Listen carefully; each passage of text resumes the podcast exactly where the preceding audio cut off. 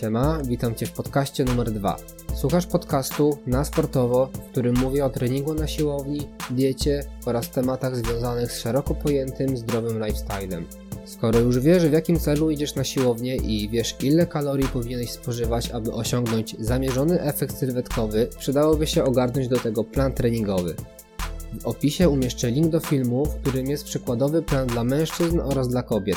Większość osób powinna być w stanie wykonać ten plan, aczkolwiek uprzedzam, że najlepszym rozwiązaniem, tym bardziej jeśli nigdy nie miałeś nic wspólnego ze sportem, będzie konsultacja z trenerem personalnym i przeprowadzenie podstawowych testów oraz dopasowanie ćwiczeń do obecnych zdolności motorycznych.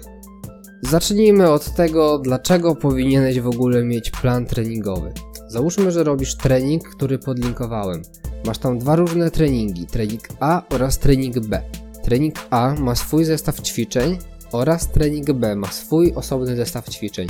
Na każdym treningu pracujesz nad całym ciałem, jest to trening FBW, czyli Full Body Workout.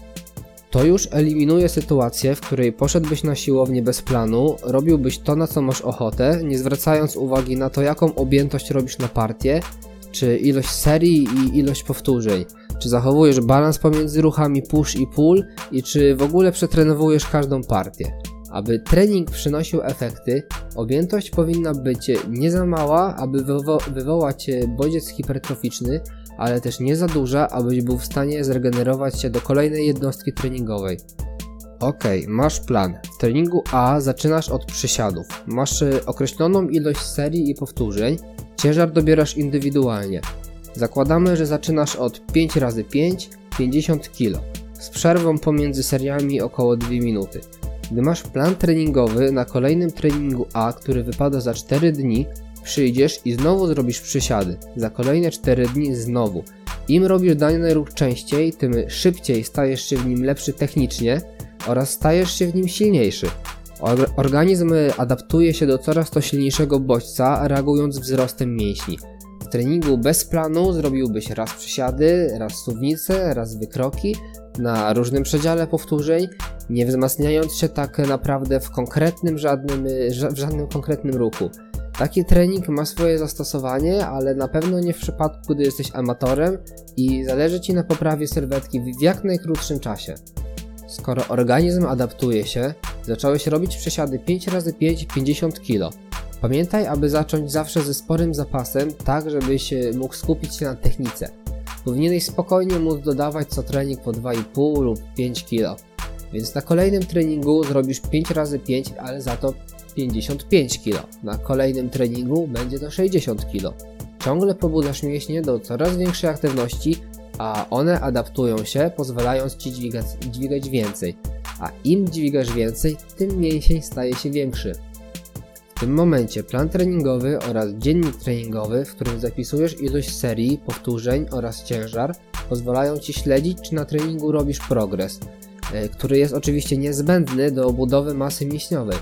Samą dietą i ćwiczeniami cardio schudniesz, zgubisz tłuszcz jak najbardziej, ale na pewno nie wymodelujesz sylwetki tak jak treningiem oporowym. Jak zobaczysz w planie, dużą część e, ćwiczeń stanowią ćwiczenia wielostawowe, czyli takie, w których ruch zachodzi w wielu stawach naraz. Te ćwiczenia to fundament dobrego planu treningowego. Jeśli nie masz czasu na trening, zrób tylko ćwiczenia wielostawowe. Angażują one najwięcej mięśni naraz, są najcięższe, weźmiesz w nich największy ciężar oraz są najtrudniejsze pod względem technicznym i z tego powodu powinny znaleźć się na początku treningu.